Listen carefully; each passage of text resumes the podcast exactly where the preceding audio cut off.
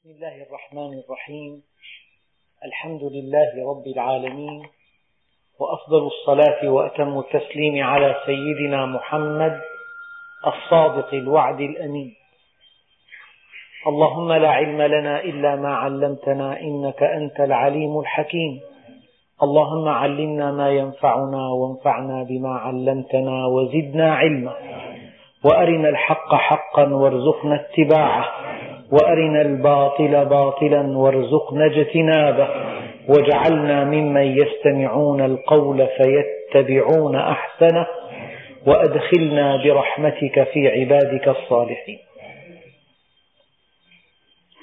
أيها الإخوة المؤمنون وصلنا في الدرس الماضي إلى قوله تعالى وإذا مس الإنسان الضر دعانا لجنبه أو قاعدا أو قائما. فلما كشفنا عنه ضره مر كأن لم يدعنا إلى ضر مسه. كذلك زين للمسرفين ما كانوا يعملون. أما كلمة الإنسان تتكرر كثيرا. فأما الإنسان إذا ما ابتلاه ربه فأكرمه ونعمه فيقول ربي أكرمن وإذا أنعمنا على الإنسان أعرض ونأى بجانبه وإذا مسه الشر كان يئوسا. فلينظر الإنسان مما خلق. إن الإنسان لظلوم كفار. قال بعض المفسرين حيثما وردت كلمة الإنسان معرفة بأل فإنها تعني هذا الإنسان المعرض هذا الإنسان الغافل. أما الإنسان إذا عرف الله صار اسمه مؤمنا. المؤمن يا أيها الذين آمنوا وقال رجل مؤمن من آل فرعون يكتم إيمانه.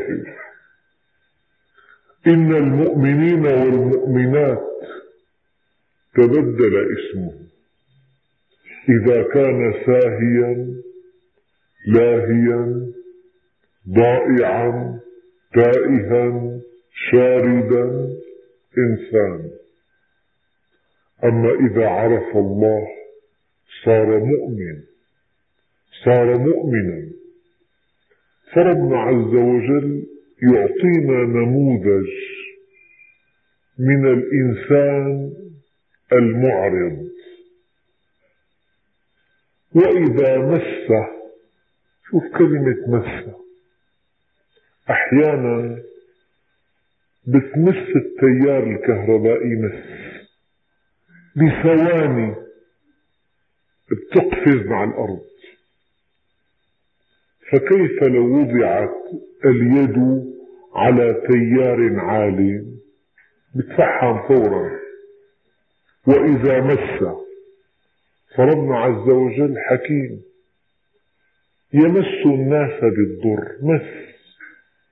آلام. مغص. نوبة نوبة رمل. بيصيح وبيستريح تجي نوبات.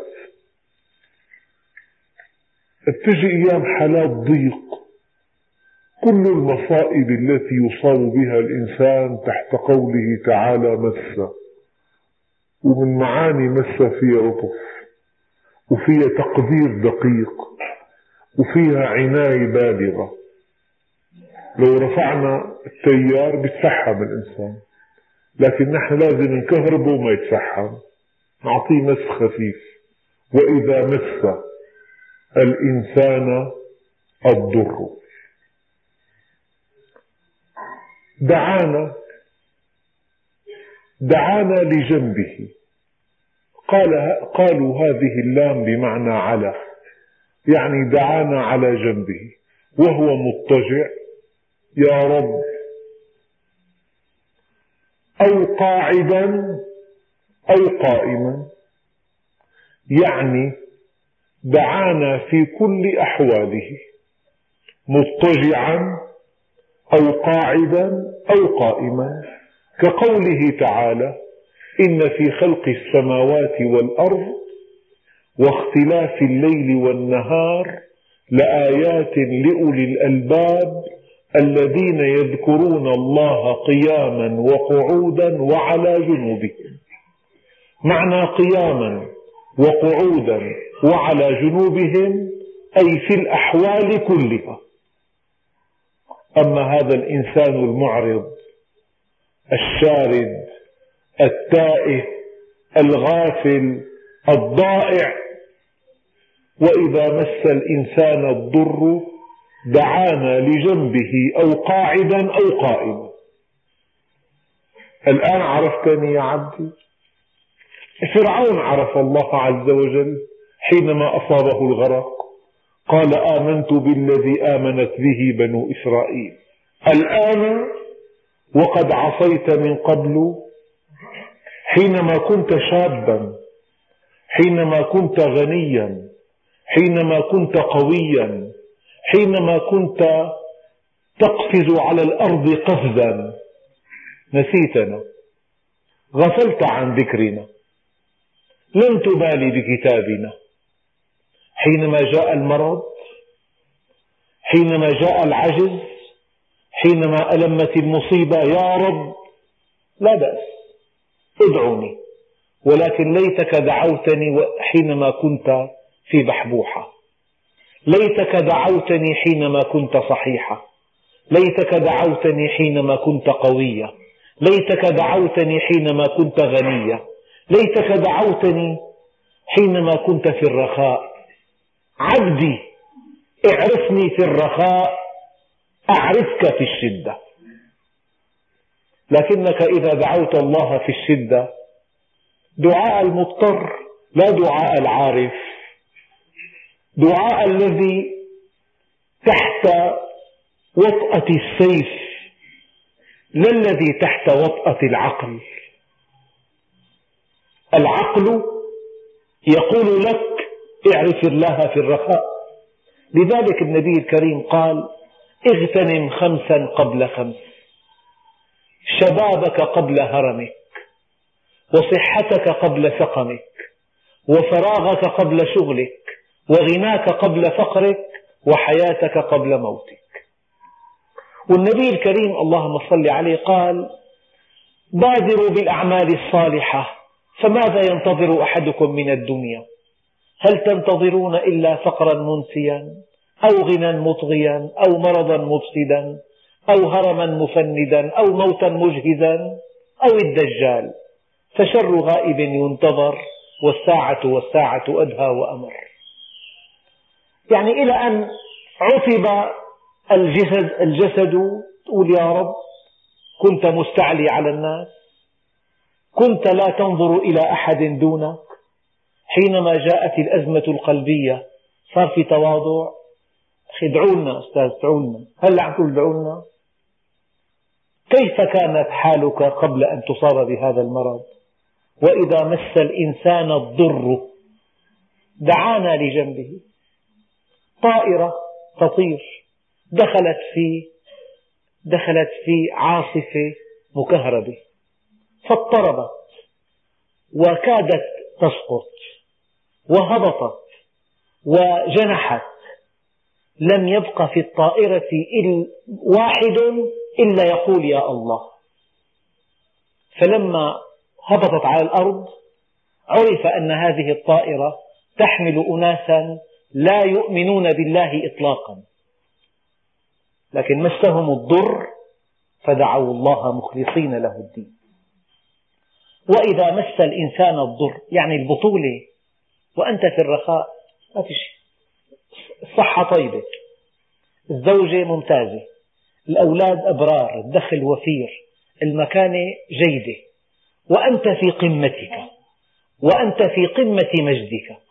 وأنت في الوظيفة. مو بعد التقاعد. صار في تواضع. يجب أن تكون متواضعا وأنت على رأس عملك. والناس أمامك ينتظرون. وإذا مس الإنسان الضر دعانا لجنبه أو قاعدا أو قائما. الإنسان بالمال بيستعلي وبالقوة بيستعلي وإذا كان له وظيفة بيستعلي فيها وإذا كان مقتدر بيستعلي وإذا كان معه شهادة عالية والناس بحاجة له يستعلي ما بيحاكي حدا. لكن إذا جاءت المصيبة يتواضع. ليتك تواضعت قبل المصيبة. ليتك عرفت الله وأنت في الرخاء. ليتك عرفت الله وأنت في بحبوحة. ليتك عرفت الله وأنت قوي نشيط. لكن متى؟ بعد فوات الأوان. بعد أن ضيعت ما ضيعت. وإذا مس الإنسان الضر دعانا لجنبه أو قاعدا أو قائما. ربنا عز وجل لإلحاحه بالدعاء. يا رب يا رب يا رب ما لي سواك أنقذني. قال فلما كشفنا عنه ضره. الأزمة زالت المرض انحسر القلق تبدد؟ الخوف تلاشى؟ فلما كشفنا عنه ضره مر كأن لم يدعنا إلى ضر مسه. لك والله يا الطبيب شو مستواه عالي كثير من ثاني حبة طبت الحمد لله. فلان رحت لعنده قلت له أنا أنا قرايبك. تدخل وخلصني. وين الله عز وجل؟ نسي الله عز وجل. مر كأن لم يدعنا إلى ضر مسه. أما كلمة مرة هي بلاغة رائعة. سيل عار مندفع وضعت أمامه حاجز. فلما أزلت الحاجز مر تاب عن دفاعه. يعني إنسان أحيانا تتعقد معاملته. بيجي إنسان بياخذ له إياها بيوقعها من فلان وفلان وفلان يتفضل إجا الإنسان مسك المعاملة نظر مشي. قال له شكرا. ليه وقف وعاونك ساعة وتجاوز الدور. وكان بدها خمس أيام وفي تعقيدات وبيوافقوا أو ما بيوافقوا. أخذها بنفسه ومشالك إياها وناولك إياها. طلع فيك أنت طلعت فيها مع الموافقة التوقيع بالأقدار شيت رأسك وين يا أخونا؟ مرة مرقة. وين مريت؟ يمرقون من الدين كما قال عليه الصلاة والسلام. يعني بمر. كأن لم يدعنا إلى ضر مسه قول يا ربي لك الحمد. يا ربي لك الشكر. هذا توفيقك. هذه عنايتك. هذا فضلك. هيك الإنسان بيقول. منتهى اللؤم. منتهى الجحود. منتهى الكفر. ابنه حرارته 41 شافه الطبيب قال له والله التهاب سحايا. يعني على وشك الوفاة. يا رب ليل نهار. بعدين الحرارة انحسرت. والله عز وجل عافاله إياه اسجد سجود الشكر لله عز وجل. قل له يا ربي لك الحمد والشكر والنعمة والرزق. هذا فضلك يا رب. لا مرة شيء مادي وقفت طريقه ثم فتحت له المجال فاندفع. من دون إحساس من دون قيم من دون شعور من دون من دون اعتبارات. مرة كأن لم يدعنا إلى ضر مسه. هي هذا نموذج نموذج اللئيم. إذا وقع تحت الشدة قال يا رب. فإذا انحسرت الشدة نسي الله عز وجل. ونسي أنه دعاه. ونسي أنه تذلل له. ونسي التضرع. لكنه رأى ما عنده من إنجاز. مر كأن لم يدعنا إلى ضر مسه كذلك زين للمسرفين ما كانوا يعملون. النبي اللهم صل عليه كانت تعظم عنده النعمة مهما دقت. لو شرب كأس الماء تعظم عنده النعمة مهما دقت. حينما دخل مكة فاتحا دخلها مطأطئ الرأس تواضعا لله عز وجل. هيك الإنسان النبي عليه الصلاة والسلام قدوة لنا. لقد كان لكم في رسول الله أسوة حسنة. إنسان لبس ثياب جديدة. دخل لبيته. الحمد لله الذي آواني وكم ممن لا مأوى له. أكل طعام يحبه. الحمد لله الذي أطعمني وأسقاني. يعني لا له زوجة في البيت وله أولاد. بيته نظيف. له دخل. يا رب لك الحمد. الحمد على النعمة أمان من زوالها. الحمد على النعمة أمان من زوالها. الحد, الحد الأدنى في الشكر أن تعرف أن هذه النعمة من الله. والحد الأعلى أن تقابل على النعمة بخدمة العباد. اعملوا آل داود شكرا وقليل من عبادي الشكور. لكن أنا ما بتصور إنسان يشكر الله على نعمه على حواسه الخمس على عقله على زوجته. لما الإنسان يتزوج قال شريح القاضي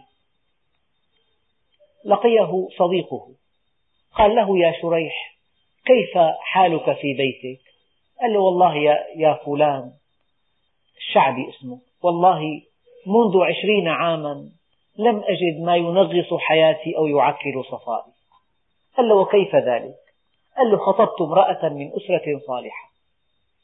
فلما دخلت بها وجدت كمالا وصلاحا.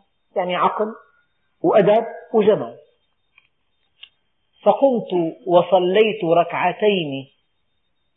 فقمت وصليت ركعتين شكرا لله على نعمة الزوجة الصالحة. وفي بالصلوات ببحث الصلاة بالفقه في صلاة الشكر. إنسان اشترى بيت. يدخل لبيته اللي ساكن فيه. أول عملية بيتوضأ بيصلي ركعتي الشكر. نجح. شهادته الجامعية. أول عملية صلاة الشكر. تزوج اشترى محل. في صفقة باعها وربح فيها. صلاة الشكر مشروعة. ربنا عز وجل. إني والإنس والجن في نبأ عظيم. أخلق ويعبد غيري. وأرزق ويشكر سواي. خيري إلى العباد نازل. وشرهم إلي صاعد. أتحبب إليهم بنعمي وأنا الغني عنهم. ويتبغضون إلي بالمعاصي. وهم أفقر شيء إلي. من أقبل علي منهم تلقيته من بعيد. ومن أعرض عني منهم ناديته من قريب. مرة صحة طيبة أكل بالبيت من كل الأنواع موجود مالك محروم شيء نعمة الزوجة موفورة نعمة السكن موفورة الماء فرات يعني ما في ناقصك شيء. هيك مرة كأن لم يدعنا إلى ضر مسه. شعرت بوضع مو طبيعي عملت فحص طلع سليم يا ربي لك الحمد. كان في احتمال ورم خبيث طلع ورم عادي. مرة كأن لم يدعنا إلى ضر مسه. هيك المؤمن. هذا حال الإنسان العادي. هذا حال الإنسان الكافر. هذا حال الإنسان الجاهل المعرض المقصر اللئيم. قال والله والله مرتين سيدنا علي. لحفر بئرين بإبرتين. وكنس أرض الحجاز في يوم عاصف بريشتين. ونقل بحرين زاخرين بمنخلين وغسل عبدين أسودين حتى يصيرا أبيضين. أهون علي من طلب حاجة من لئيم لوفاء دين.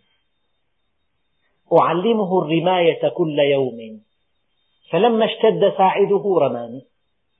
وكم علمته نظم القوافي فلما قال قافية هجاني. هيك تسمع أيام صانع كان عند معلمه. فتح محل بيحكي عليه بتعلمك المصلحة وأكرمك ودللك ولما صار معك إمكانيات تفتح محل قال لك ماشي الحال مثل ما بدك. هذا معلمي غشاش لا تروحوا لعنده. هيك اللؤم؟ والله في لؤم بالأرض الآن في طوفان اللؤم طوفان. من علامات قيام الساعة أن يكون المطر قيظا والولد غيظا. ويفيض اللئام فيضا ويغيض الكرام غيظا أول أنواع اللؤم مع الله عز وجل مرة كأن لم يدعنا إلى ضر مسه كنت عم تولول قبل ساعة طلع ما في شيء طلع بالتحليل ما في شيء يلا عنا سهرة اليوم وين السهرة؟ أنو سهرة هي؟ كان المصير أسود وين السهرة اليوم؟ مر كأن لم يدعنا إلى ضر مسه ربنا عز وجل قال كذلك زين للمسرفين ما كانوا يعملون. والله في آية قرآنية بيقشعر لها البدن. الله قال فما وجدنا لأكثرهم من عهد. بيروح على الحج بيعاهد ربه عند الحجر الأسود. يا رب ما بعصيك أبدا. بيجي بعد سبعة أيام بيعصيك معود؟ قال لي واحد تبنا يا أخي كنا نشرب تبنا رحنا على الحج وعاهدنا الله وأبدا قعد مع رفقاته. شراب قال له أنا معاهد قال له خذ الحج خذ منا حق الحجة وشراب قال شربت والله شو بيساوي قال شرب فما وجدنا لأكثرهم من عهد وإن وجدنا أكثرهم لفاسقين. ولقد أهلكنا القرون من قبلهم لما ظلموا. دقة القرآن الكريم. ما في هلاك بلا سبب. أخي الطبقة الأرضية هشة على مقياس ريختر كانت درجة 8 قام تهدمت المكسيك. شو هذا؟ على ريختر الموضوع موضوع ريختر فقط. لما إهلاك من الله عز وجل إهلاك من الله يعني من السخف من السخف أن تفسر هذه الظواهر الخطيرة في العالم. تفسير أرضي مع أن التفسير الأرضي مقبول. إذا جمعته مع التفسير الإلهي. وكأي من قرية كانت آمنة مطمئنة يأتيها رزقها رغدا من كل مكان. فكفرت بأنعم الله فأذاقها الله لباس الجوع والخوف بما كانوا يصنعون. ممكن تفسر أنه لما ربنا عز وجل أراد إهلاك قرية فاسقة فاجرة تتاجر بالأفيون توزع الأفيون لجميع أنحاء العالم كان ممكن تفسرها. أنه إهلاك من الله عز وجل عن طريق هزة أرضية. ممكن. قد تجمع التفسير الإلهي مع التفسير العلمي. والتفسير الإلهي والتفسير العلمي لا يتناقضان إنما يتكاملان. أما أن تقول فقط هزة أرضية على مقياس ريختر فقط معناها من لم تحدث المصيبة في نفسه موعظة فمصيبته في نفسه أكبر. أصبحت نفسه هي المصيبة نفسه. ولقد أهلكنا القرون من قبلهم لما ظلموا. لما ظلموا ما دام في ظلم في هلاك. لذلك حينما يعم الفساد في آخر الزمان ظهر الفساد في البر والبحر. قال الله عز وجل وإن من قرية إلا نحن مهلكوها أو معذبوها قبل يوم القيامة عذابا شديدا كان ذلك في الكتاب مسطورا لكن العلماء قالوا الهلاك نوعان هلاك مبرم وهلاك بطيء. يعني ضعف الموارد شح السماء قلة النبات ازدياد الحاجات قلة الدخل. الضغط الاجتماعي. هذا أحد أنواع الهلاك. هذا موت بطيء بسموه يا أما موت بضربة قاصمة أو موت بطيء. فالهلاك هلاكان. إيه لما الإنسان يلاقي حاله ما معه أموره ليست بيده. ربنا عز وجل قال وعد الله الذين آمنوا منكم وعملوا الصالحات ليستخلفنهم في الأرض كما استخلف الذين من قبلهم. وليمكنن لهم دينهم الذي ارتضى لهم. وليبدلنهم من بعد خوفهم أمنا.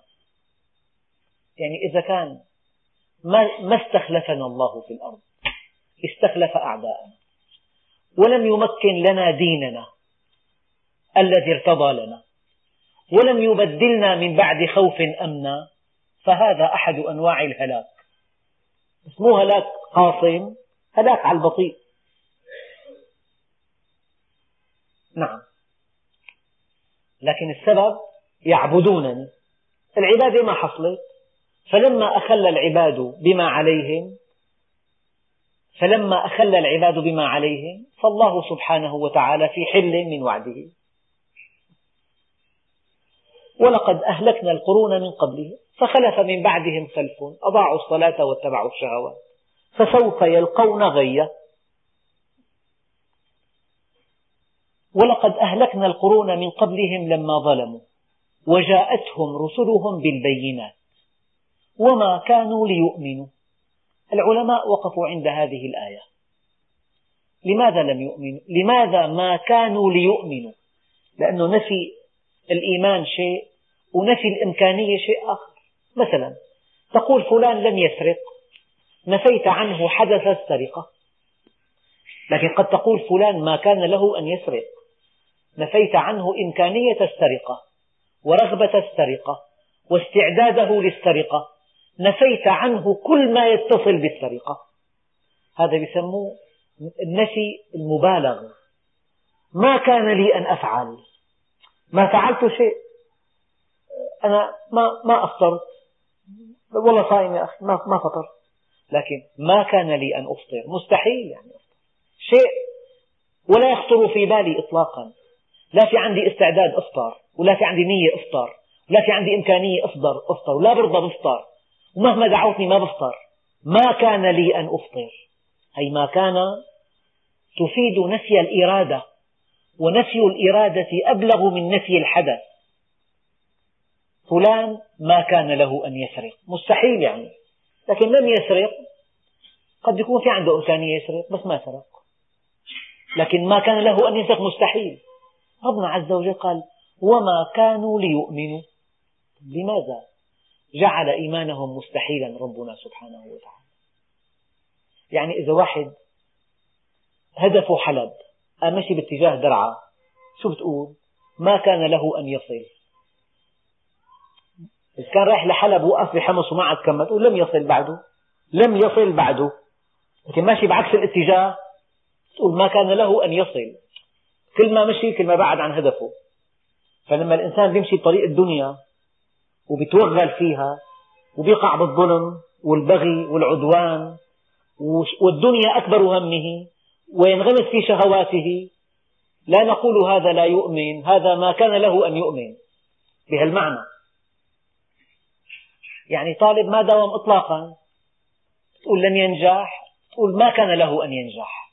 إذا داوم وما اجتهد تقول لم ينجح بس ما نجح. أما إذا ما داوم ولا يوم ولا فتح كتاب ولا اشترى كتب تقول لم ينجح تقول ما كان له أن ينجح. ربنا عز وجل قال وما كانوا ليؤمنوا. طيب لماذا أهلكهم الله عز وجل؟ لأنهم ما كانوا ليؤمنوا. ربنا عز وجل ما دام في أمل بالإيمان ما في هلاك. ما دام في بقية أمل مو أمل بقية أمل ما في هلاك. إلى أن يسير الرجل في طريق معاكس للإيمان. بزاوية 180 درجة نص دائرة يعني. ماشي هيك والإيمان هيك. عندئذ يستحق الهلاك. لأنه ما كان ليؤمن. الهلاك أمر من الله عز وجل مدروس. ما في هلاك عشوائي. ما في هلاك يعني من دون مبرر. أهلكهم الله عز وجل لأنهم ظلموا وجاءتهم رسلهم بالبينات وما كانوا ليؤمنوا. جاءتهم الرسل أعرضوا عنهم تجاوزوا الحدود غرقوا في الدنيا وقعوا في الظلم فأهلكهم الله عز وجل. كلام ربنا عز وجل دقيق. ولقد أهلكنا القرون من قبلكم لما ظلموا وجاءتهم رسلهم بالبينات. وما كانوا ليؤمنوا. كذلك نجزي القوم المجرمين. كلمة كذلك هذا قانون. ولما بلغ أشده واستوى آتيناه حكما وعلما. قال وكذلك نجزي المحسنين. هذا قانون. تعريف القانون بالعلم علاقة ثابتة بين متحولين. يعني تحسن يؤتيك الله العلم والحكمة. من أخلص لله أربعين صباحا تفجرت ينابيع الحكمة في قلبه وأجراها الله على لسانه. قانون. فنادى في الظلمات أن لا إله إلا أنت سبحانك إني كنت من الظالمين. فاستجبنا له ونجيناه من الغم. القصة انتهت. قانون. وكذلك ننجي المؤمنين. كن مؤمنا واستحق النجاة في كل عصر. في كل عصر. كن مؤمنا تستحق على إيمانك أن تنجو من كل شيء تخافه. قانون. وكذلك نجزي المجرمين. ولقد أهلكنا القرون من قبلكم لما ظلموا. وقبل ظلمهم جاءتهم رسلهم بالبينات. فكذبوا بها. وما كانوا ليؤمنوا كذلك نجزي القوم المجرمين. إذا كلما رأيت قوما أهلكهم الله عز وجل تأكد أنهم لا جدوى منهم لا أمل منهم. لو كان فيهم بقية أمل في هدايتهم لما أهلكهم الله عز وجل. لا يهلك قال عليه الصلاة والسلام لا يهلك إلا هالك. لا يهلك إلا من هلكت نفسه بعدت عن الحق. لا يهلك إلا من شرد على الله شرود البعير. غمأ كثير في ضلال في ضلال مبين. يعني الخمر مثلا تذهب العقل تحط المكانة تضعف الملكات تثبط الهمم. فمن شربها فهو في ضلال مبين. في ضلال بعيد. الضلال البعيد واحد ماشي بطريق باتجاه حمص مثلا لقى مفرق مشي منه. بعد ما مشي 200 كيلومتر طلع تدمر هو بده حمص. هذا اسمه ضلال بعيد يعني غمق كثير لو مشي 10 كيلومتر ورجع. ضلال قريب لكن 200 كيلومتر ضلال بعيد. في ضلال مبين في ضلال بعيد. أيام الإنسان ببعد كثير بيعتقد اعتقادات فظيعة أنه ما في غير الحياة الدنيا ما ضلاله بعيد. هذه هي الدنيا هي كل شيء. من كان فيها غنيا فهو في جنة ومن كان فيها فقيرا فهو في جهنم. وليس بعد الدنيا شيء هذا في ضلال بعيد في ضلال مبين. فمن كان مجرما يستحق الهلاك. ثم جعلناكم خلائف في الأرض. من بعده. لننظر كيف تعملون. يكون ابن عند أبوه قاعد بالمحل. مو عاجبه أبوه يقول لك بيعه صعب أبي. أنا بحب بيع سهولة. أبي كذا أبي كذا. بيتوفى الأب. بيأخذ المحل محل والده. بيقوم بيأكل مال حرام. بيقوم بغش. كل الذي تنتقد فيه أباك وقعت فيه وفي أشد منه. الله عز وجل بيمتحن إنسان.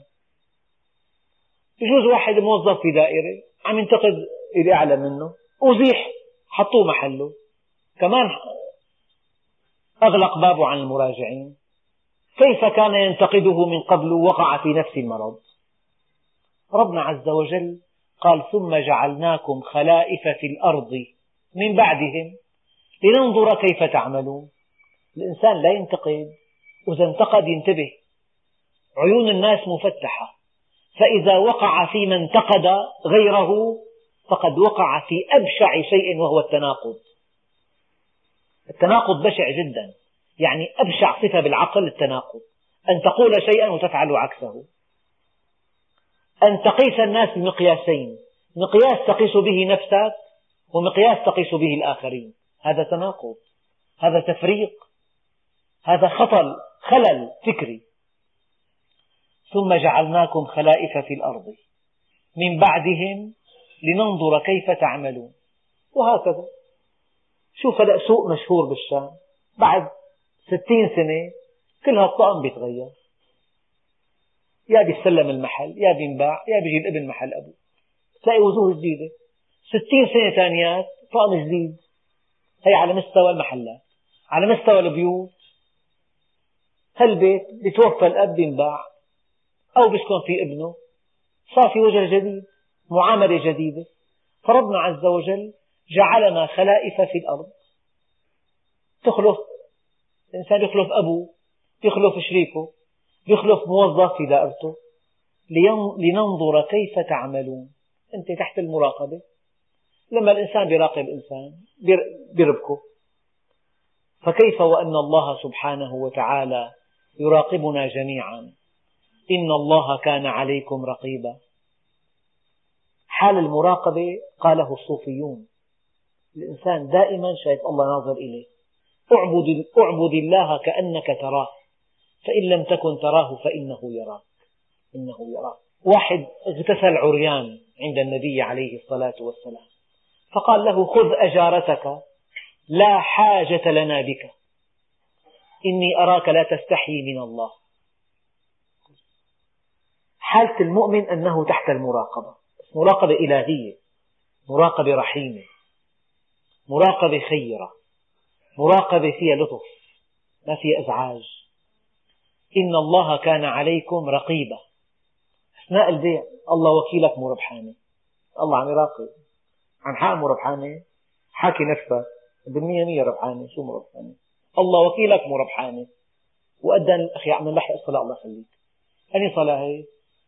حلفت بالله أنه مو ربحانة طلعت ربحان هيك الناس دينا لكل شيء لحاله. أنه كل شيء لحاله. كل شيء محاسب عنه فوربك لنسألنهم أجمعين عما كانوا يعملون. إذا ثم جعلناكم خلائف في الأرض من بعدهم لننظر كيف تعملون. وإذا تتلى عليهم آياتنا بينات قال الذين لا يرجون لقاءنا ائت بقرآن غير هذا أو بدله. ما عجبه القرآن. منع الربا ما عجبه.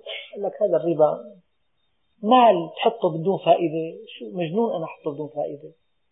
كان غيري يستفيد منه أنا بستفيد منه. هي الآية أخي مو لها الزمان. بعدين الله قال لا تأكلوا الربا أضعافا مضاعفة انتبه يا أخي النهي مو عن بالمية خمسة من نهي عن خمسة عشرين بالمية. هيك الله قال. لا تأكلوا الربا أضعافا مضاعفة. ما عجبته الآية هي. وآية غض البصر ما عجبته كمان. وابدوا بعيوني يا أخي. أنا شغلي مع, مع موظفات كله. والله أخي واحد بصبح عليها بحاكيها شو تطلع فيها؟ هي بدلنا أخي إمنا الآية. وإذا تتلى عليهم آياتنا بينات قال الذين لا يرجون لقاءنا ائت بقرآن غير هذا. هذا في تضييق كثير. ثقيل. أو بدله أو تعديلات طفيفة الغي لنا آية النظر الغي لنا آية الربا الغي لنا آية الاختلاط. هيك أو مرونة بصير. لك شيخ عصري هذا. يعني مرن. ما بيعقدها على التلاميذ كثير. اسكن قلبك مع الله يا ابني. افعل ما شئت. شو هذا؟ ائت بقرآن غير هذا أو بدله. قل ما يكون لي أن أبدله من تلقاء نفسي. إذا كنت مهندس وإجاك شخص قال لك بدي خارطة. عملت له خارطة. قال لك والله الحديد 12 ملي تمشي حال 8 ملي بالعضاية والله ما بشي بالحال يا أخي. ما بصير هون ما في مجاملة هون عواض الست أكياس ممكن أربعة. الدبسات امرأة. هون ما في مجاملة.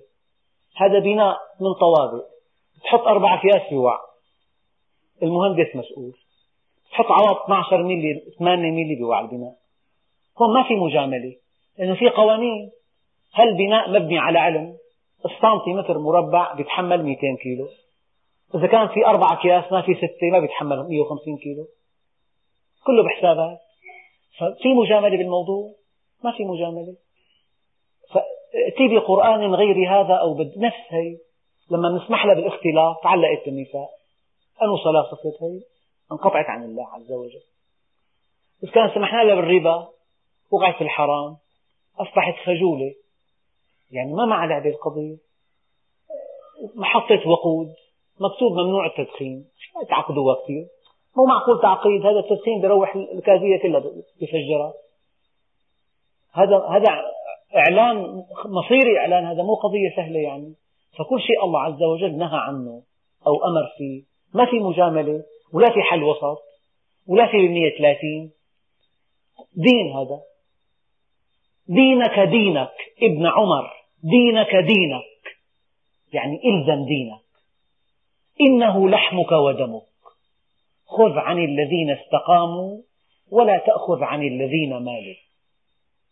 كل إنسان بيتساهل معك. عرفه مو فهماش يعني واحد بيسير معمل غسالات ضخم كثير لقى موضوع التنشيف الآلي صعب. قال بلغيها هي بلاها ماشي حال ينشفوه بإيدهم العصر كمان صعب أم لغى العصر؟ تسخين الماء صعب لغى التسخين. هلأ دوران صعب لغى الدوران. صفت تنكة غسيل صفت هي ما عاد غسالة هي. كل ما لغيت صعوبة صرت بلا شيء بعدين. هي هي صعبة اتركها. هي اتركها وهي اتركها صفيت على لا شيء. لذلك بالدين ما في ما في مثل اللعبة مثلا شروط اللعب. إذا كان لغيتها مو شرط تجي الكرة بالسلة. ما عاد بطولة فيه بقى. يعني لو قربت نحن تعتبر هذا مو ما عاد لعب هذا. إذا ما في شروط صعبة ما عاد في بطولة أساسا. إذا ما في شروط صعبة دقيقة ما بقى في بطولة انتهت البطولة فكلما ألغيت شيء بالدين عم تهدم الدين. الصلاة عماد الدين. من أقامها فقد أقام الدين. ومن هدمها فقد هدم الدين. أخي أنا قلبي نظيف. ما بينوي لحدا شر بس ما أصلي. ما بصير الصلاة عماد الدين. من أقامها فقد أقام الدين ومن هدمها فقد هدم الدين. لذلك وإذا تتلى عليهم آياتنا بينات قال الذين لا يرجون لقاءنا ائت بقرآن غير هذا أو بدله. في معنى دقيق أنه القرآن عندك دبره أنت. كأنهم يظنون أو يتهمون النبي عليه الصلاة والسلام أن هذا القرآن من عنده. لذلك بدلنا إياه. غيره عدله. الآية حذف لنا إياها. قل ما يكون لي أن أبدله من تلقاء نفسي. أنا رسول. أنا مبلغ. إذا بيطلع مثلا مرسوم من رئيس الوزراء. بيجي موظف بتضايق بلغك يا أخي والله أحذف لي هالمادة. شو دخلني أنا بالموضوع أنا مبلغ فقط. بتقول لواحد عم بلغك مرسوم احذف لي هالمادة عدل لي إياها. هذا بيد رئيس الوزراء مو بيد موظف بسيط. قل ما يكون لي أن أبدله من تلقاء نفسي. إن أتبع إلا ما يوحى إلي إني أخاف إن عصيت ربي عذاب يوم عظيم. إذا كان النبي عليه الصلاة والسلام وهو ما هو من الرفعة والعظمة يخاف إن عصى ربه عذاب يوم عظيم. فما بال عامة الناس؟ لذلك الخوف يتناسب مع الإدراك. الإدراك ضعيف الخوف ضعيف. الخوف يتناسب طردا مع الإدراك. ما في إدراك ما في خوف. مرة طالب قال لي أنا ما بخاف من الله وجل. قلت له معك حق. لما قلت له معك حق استغرب. قلت له أيام بيحطوا طفل صغير بالحصيدة بمر ثعبان هالتخن. في لحمة عليه الطفل. إدراك ما في لأنه. إدراك ما. في طبعا ما تخاف من الله عز وجل. مو عارفان شو في عند الله عز وجل. قل إني أخاف إن عصيت ربي عذاب يوم عظيم. إن عصيت ربي. لا أمثل بهم ببدر. سيمثل الله بي ولو كنت نبيا. هي عظمة الأنبياء. عند الله ما في محاباة. الله عز وجل ما بيقرب إنسان على باطل ما بيقرب معتدي ما بيقرب ظالم بيقرب إنسان مستقيم بيقرب إنسان محسن. لأن الله كامل إن الله طيب ولا يقبل إلا طيبا. فإذا كان رسول الله اللهم صل عليه قل إني أخاف إن عصيت ربي عذاب يوم عظيم. إذا كان سيدنا عمر قال والله لو أن الله أنزل على نبيه أنه معذب واحدا من خلقه لخفت أن أكون أنا.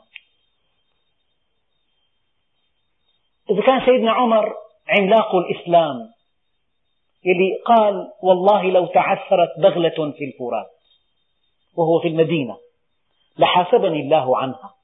لم لم تصلح لها الطريق يا عمر؟ إذا كان سيدنا عمر يقول ليت أم عمر لم تلد عمر. ليتها كانت عقيمة. ماذا رأى؟ ماذا رأى من شدة الحساب ومن عدالة الله سبحانه وتعالى؟ لا يستخف بعدالته إلا أحمق. لا يستخف بعدالته إلا غبي. قل إني أخاف إن عصيت ربي عذاب يوم عظيم. قل لو شاء الله ما تلوته عليكم ولا أدراكم به فقد لبثت فيكم عمرا من قبله. أربعين سنة ما حكيت ولا كلمة مع أنها مو من عندي الكلام هذا. لو كان من عندي كنت بحكي بثلاثينات بحكي بحكي بخمسة عشرينات بحكي بعشرينات. أربعين سنة ما تكلمت كلمة. أي واحدة. الشيء الثاني هل جربتم علي من قبل كذبا قط؟ يقول أنه هرقل ملك الروم التقى بأبي سفيان وكان على الشرك قبل أن يؤمن. حدثوا عن رسول الله أنه في عنا نبي دعا يقول إنه نبي وهكذا. هرقل كان ذكي. قال هل كنتم تتهمونه بالكذب؟ هل كنتم قبل البعثة؟ قال لا والله. فقال هرقل قد أعرف أنه لم يكن ليدع الكذب على الناس ثم يكذب على الله. هرقل نفسه قال أعرف أنه ما كان له أن يدع الكذب على الناس ثم يكذب على الله. فقد لبثت فيكم عورا من قبل. أفلا تعقلون؟ الشيء الثاني لما النجاشي استقبل وفد المسلمين وقال له يا جعفر حدثنا عن نبيكم. قال له يا أيها الملك كنا قوما أهل جاهلية. نعبد الأصنام. ونأكل الميتة ونأتي الفواحش. ونقطع الرحم ونسيء الجوار ويأكل القوي منا الضعيف. هذه الجاهلية الأولى مثل الثانية نعبد الأصنام ونأكل الميتة ونسيء الجوار ونقطع الرحم ونأتي الفاحشة ويأكل القوي منا الضعيف. حتى بعث الله فينا رجلا نعرف أمانته وصدقه وعفافه ونسبه. أربع أشياء. نعرف أمانته وصدقه وعفافه ونسبه. فدعانا إلى الله لنعبده ونخلع ما يعبد آباؤنا من الحجارة والأوثان. وأمرنا بصدق الحديث وأداء الأمانة وصلة الرحم. فعدا علينا قومنا ليعذبونا ويفسدونا عن ديننا. وقد لجأنا إليه. فقال أنتم آمنون في بلادي. إذا فقد لبثت فيكم عمرا من قبل من معاني عمرا من قبل أنني في هذا العمر ما, ما تكلمت كلمة بالقرآن. معناها الآن ليس من عندي. ومعنى آخر كنت عندكم صادقا وأمينا فهل يعقل أن أكذب الآن؟ فقد لبثت فيكم عمرا من قبل. بيقولوا أن عمرو بن العاص كان صديق لمسيلمة الكذاب. التقى معه. قال له ماذا يقول الآن نبيكم؟ شو في آخر أخبار احكي لنا قال له نزل عليه يزعم أنه نزل عليه قوله والعصر إن الإنسان لفي خسر إلا الذين آمنوا وعملوا الصالحات وتواصوا بالحق وتواصوا بالصبر. فقال له أنا كذلك أنزل علي مثل هذا الكلام؟ قال له ما هذا؟ سمعنا. قال له يا وبر يا وبر إنما أنت أذنان وصدر وسائرك حقر نقر. قام قال له عمرو بن العاص قال له والله إنك لتعلم أني أعلم أنك كذاب.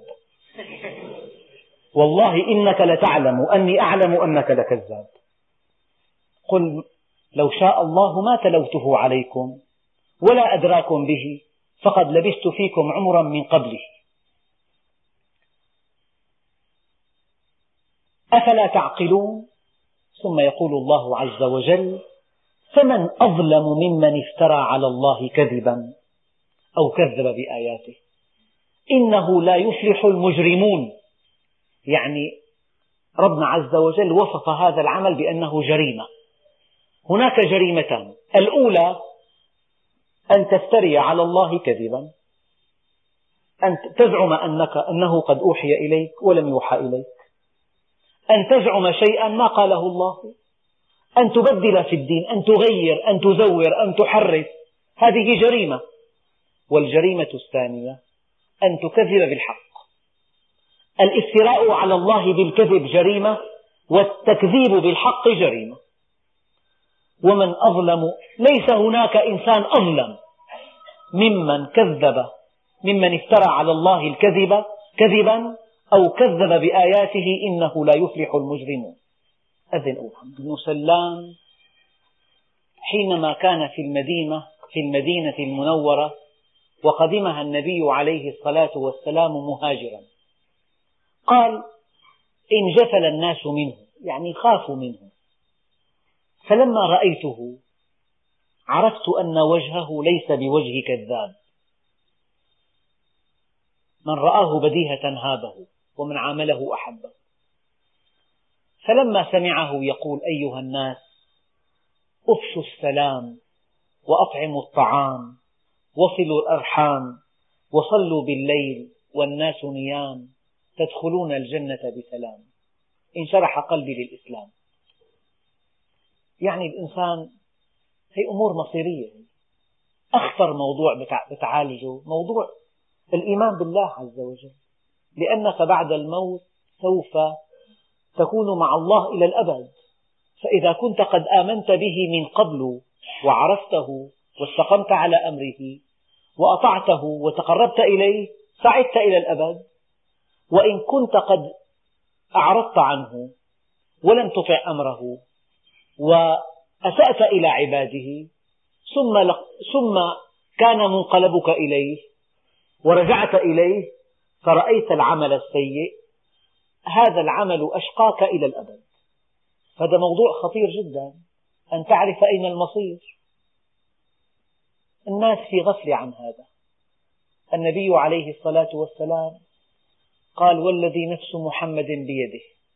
لو تعلمون ما أنتم عليه بعد الموت ما أكلتم طعاما عن شهوة تروح آبيتكم نهائيا ولا شربتم شرابا ولا ولا ذهبتم إلى الصعودات تلدمون أنفسكم وتبكون عليها.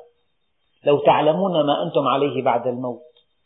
الإنسان يوم القيامة حينما يأتيه الموت يصرخ صرخة لو سمعها أهل الأرض لصعقوا بها. الآن قبل فوات الأوان ونحن أصحاء ونحن في قوتنا وصحتنا. اعرف الله في الرخاء قبل أن تضطر إلى معرفته في الشدة. اعرف الله في الرخاء. والحمد لله رب العالمين. سيدنا محمد الصادق الوعد الأمين. اللهم اجز عنا سيدنا محمدا صلى الله عليه وسلم ما هو أهله. واجز عنا صحابته الكرام ما هم أهله. واجز عنا مشايخنا ومن علمنا ومن له حق علينا. اللهم اجعل جمعنا هذا جمعا مباركا مرحوما واجعل تفرقنا من بعده تفرقا معصوما ولا تجعل فينا ولا منا ولا معنا شقيا ولا محروما. اللهم كما هديتنا للإسلام فثبتنا عليه. اللهم ألزمنا سبيل الاستقامة لا نحيد عنها أبدا. واهدنا لصالح الأعمال لا يهدي لصالحها إلا أنت. اللهم أعنا على دوام ذكرك وشكرك وحسن عبادتك. وارزقنا الشوق إلى لقائك ولذة النظر إلى وجهك الكريم. اللهم اجعلنا ممن يستمعون القول فيتبعون أحسنه وأدخلنا برحمتك في عبادك الصالحين.